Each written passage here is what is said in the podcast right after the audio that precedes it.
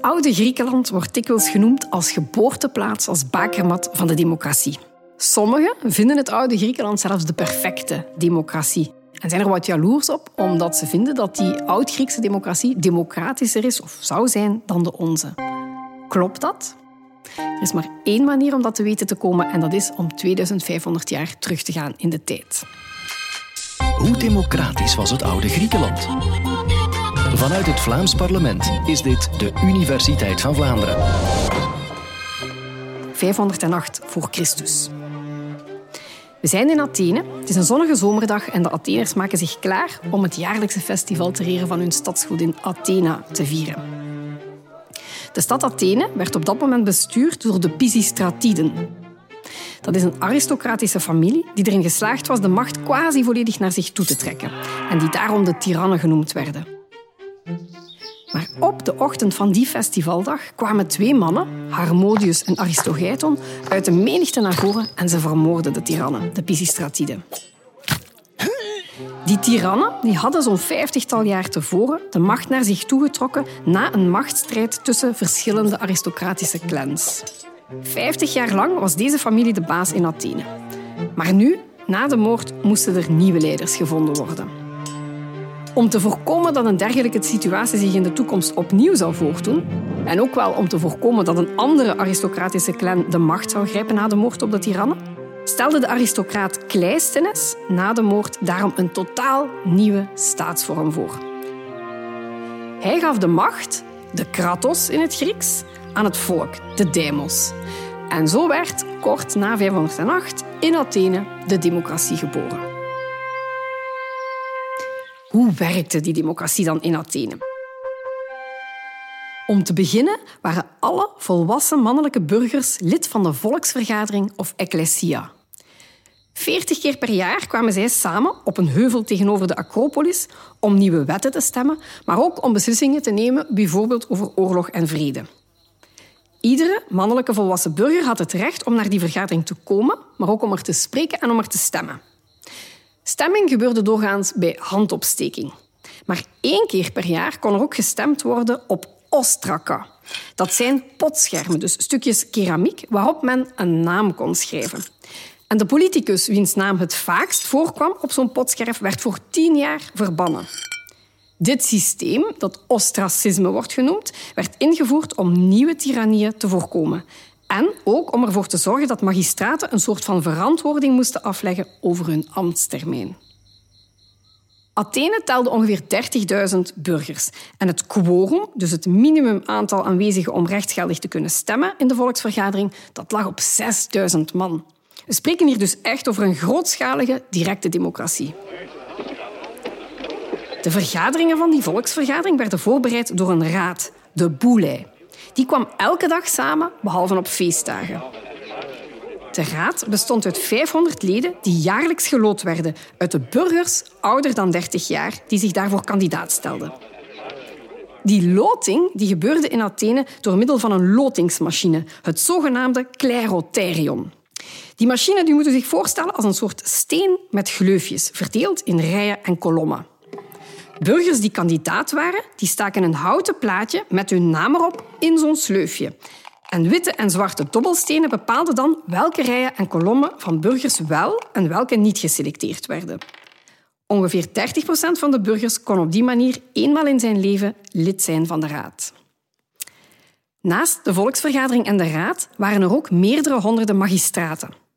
Sommige van die magistraten werden verkozen door de volksvergadering. Bijvoorbeeld de tien strategen die het leger moesten aanvoeren. Maar de overgrote meerderheid van de magistraten werd jaarlijks gelood, met diezelfde lotingsmachine, uit de groep van burgers ouder dan 30 jaar. Ten slotte werden er jaarlijks ook 6000 burgers gelood om als juryleden te zetelen in de Atheense rechtbanken. Op termijn werden voor al deze mensen, juryleden, magistraten, raadsleden en leden van de volksvergadering, vergoedingen ingevoerd, zodat ook armere Atheners effectief konden deelnemen aan de politiek. Op het eerste zicht lijkt dit alles zeer democratisch. Misschien wel democratischer dan ons staatsbestel vandaag. Maar hoe democratisch was het oude Griekenland echt? Eerst en vooral was Griekenland in de oudheid niet één land. De mensen in die streek spraken wel éénzelfde taal, kenden dezelfde cultuur en religie en vierden ook samen festivals zoals de Olympische Spelen. Maar daarbuiten was Griekenland een lappendeken van zogenaamde poleis. Die poleis, dat zijn onafhankelijke, zelfbesturende stadstaten, telkens met een stuk land rond. Als we bijvoorbeeld over de stadstaat of polis Athene spreken, dan bedoelen we niet enkel de stad Athene, maar ook het gebied rond dat Attica heet.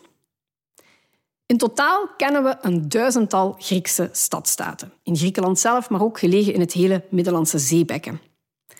Van ongeveer 60 van die duizend stadstaten weten we met zekerheid dat ze democratisch georganiseerd waren. Dat is dus een kleine minderheid. Maar zelfs in die minderheid van steden mocht niet iedereen deelnemen aan de democratie. Ik neem hier Attica, dus Athene en de streken rond, als voorbeeld. Omdat Athene de eerste en grootste democratie was, maar ook omdat we over Athene de meeste bronnen hebben. De cijfers verschillen van bron tot bron, maar Attica had in de 5e eeuw voor Christus ongeveer 300.000 inwoners.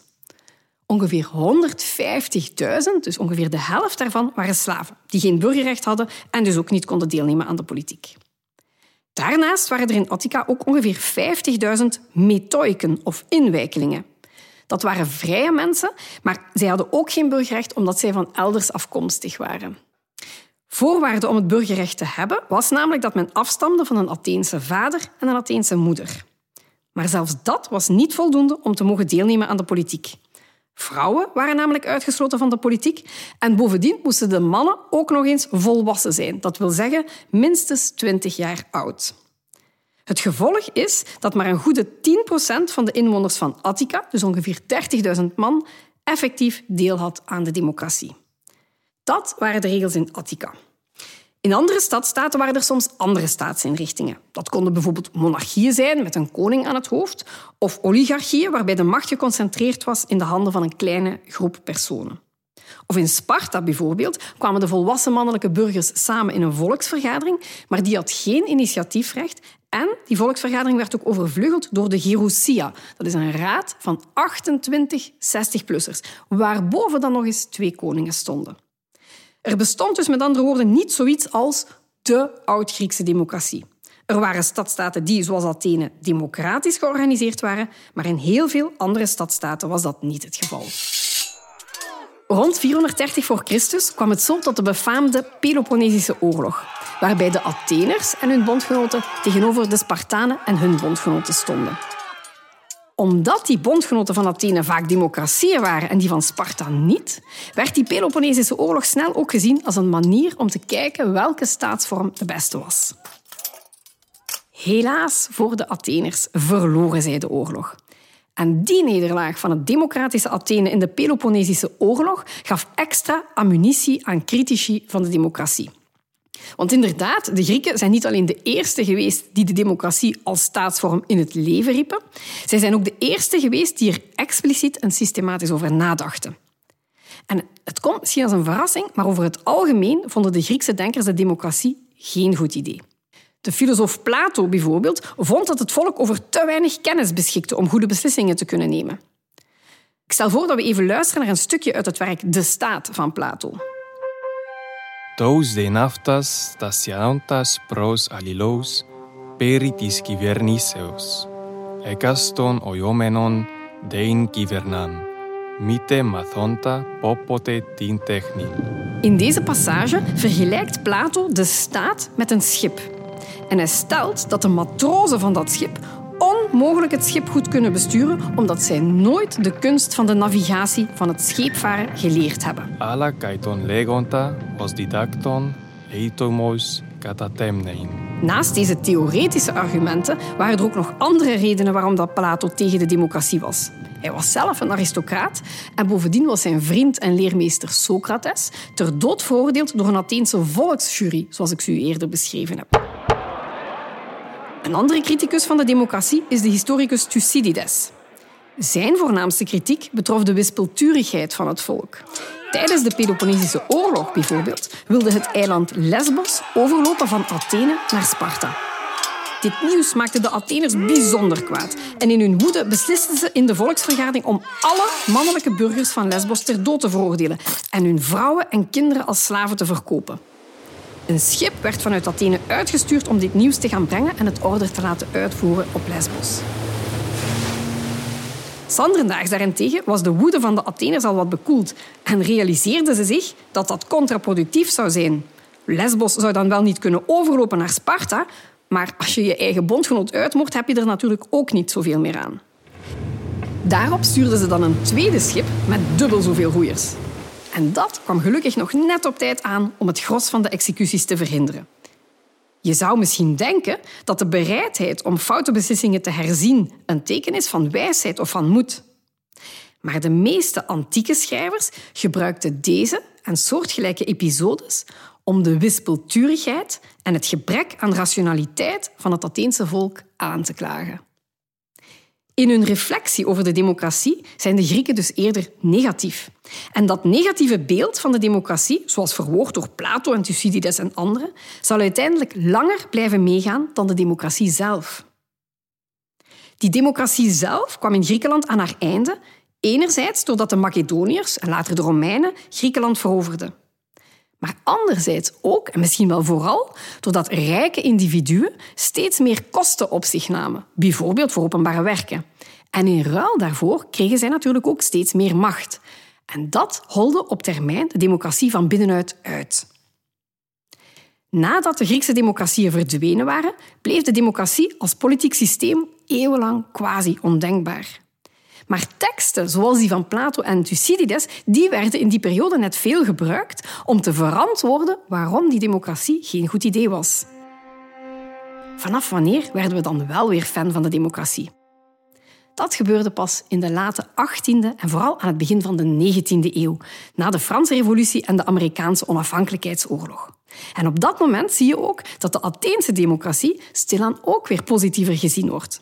Vanaf dan werd ze namelijk gebruikt als voorbeeld door mensen die opkwamen voor stemrecht voor meer en meer mensen. Het is dan ook verleidelijk om te stellen dat onze democratieën vandaag veel democratischer zijn dan het antieke Athene. Veel meer mensen mogen nu stemmen dan in het oude Griekenland. Vrouwen mogen uiteraard stemmen en voor lokale en Europese verkiezingen ook EU-burgers. Anderzijds werkt onze democratie in tegenstelling tot het oude Griekenland indirect. Als burgers stemmen wij niet zelf over bijvoorbeeld wetsvoorstellen, maar kiezen wij politici die ons vertegenwoordigen. Een uitzondering hierop zijn referenda.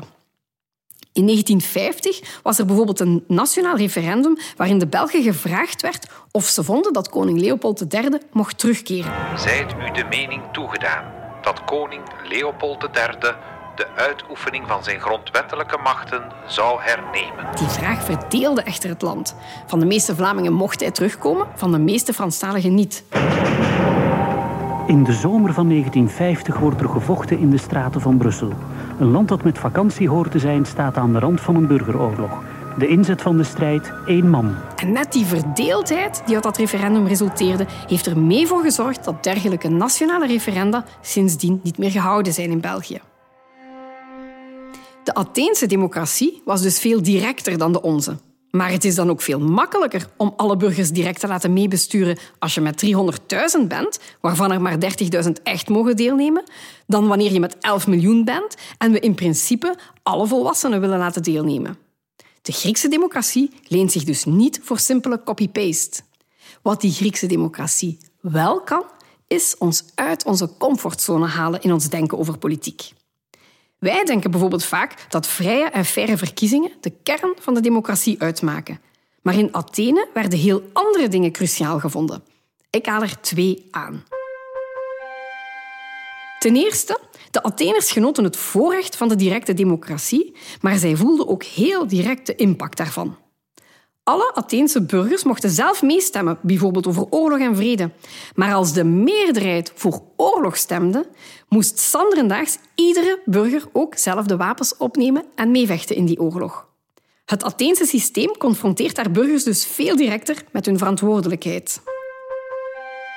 Ten tweede, de Atheners vonden gemeenschapsvorming essentieel voor het goed functioneren van een democratie. Ik heb u aan het begin van deze podcast gezegd dat de democratie werd ingevoerd door Cleisthenes. Maar behalve de hervormingen die ik u daarnet beschreven heb, voerde Kleisthenes nog een andere, misschien nog wel fundamentelere hervorming door. Tot aan Kleisthenes waren de Atheners administratief opgedeeld in een soort van lokale clans gelinkt aan aristocratische families. Kleisthenes herverdeelde Attica in drie regio's. De stad, waar voornamelijk handwerkers en handelaars woonden. De kust, waar voornamelijk vissers woonden. En het binnenland, met voornamelijk boeren. Elk van deze drie regio's werd verdeeld in tien stukken. En drie van die stukken, eentje uit elk van de drie streken, werden dan samengevoegd tot één nieuwe administratieve unit. Dat lijkt misschien een irrelevante administratieve beslissing. Maar het is één van de sleutels die van alle inwoners van het Atheense grondgebied een politieke gemeenschap heeft gemaakt. En dat was echt een fundamenteel onderdeel van de Atheense democratie. Stel u voor dat bij wijze van spreken arbeiders uit Henegouwen samen moeten besturen met landbouwers uit West-Vlaanderen en IT'ers uit Brussel. Gewoon al het feit dat deze mensen effectief met elkaar moeten spreken en samen beslissen, maakt dat beslissingen genomen worden niet vanuit het eigen belang, maar vanuit het gemeenschappelijke belang van de maatschappij als geheel. Tot op zekere hoogte kennen wij dat in België ook, met coalities van politieke partijen. Maar terwijl partijen in België bepaalde kiesdrempels moeten halen en tot op zekere hoogte kunnen kiezen met wie ze dan een coalitie vormen, mocht in Athene iedereen stemmen en was de samenwerking tussen mensen uit verschillende regio's en belangengroepen institutioneel verankerd. De keerzijde van dat systeem was wel dat er in Athene geen echte oppositie mogelijk was. Iedereen mocht stemmen, maar eenmaal de meerderheid beslist had, moest ook iedereen mee die beslissing uitvoeren. De enige manier om ongenoegen te uiten was dus een revolte. En revoltes zijn doorheen de eeuwen dan ook veelvuldig voorgekomen. Conclusie. Hoe democratisch was het oude Griekenland? De Atheense democratie was in bepaalde opzichten duidelijk democratischer, maar in andere duidelijk minder democratisch dan de onze. Maar ze blijft waardevol omdat ze ons met andere ogen helpt te kijken naar onze eigen politieke structuren. Ze doet ons nadenken over een zeer fundamentele vraag. Wat is democratie? Quasi alle regimes ter wereld claimen vandaag democratisch te zijn en quasi overal worden verkiezingen georganiseerd. Maar de oude Grieken tonen dat democratie veel meer kan en moet zijn dan dat.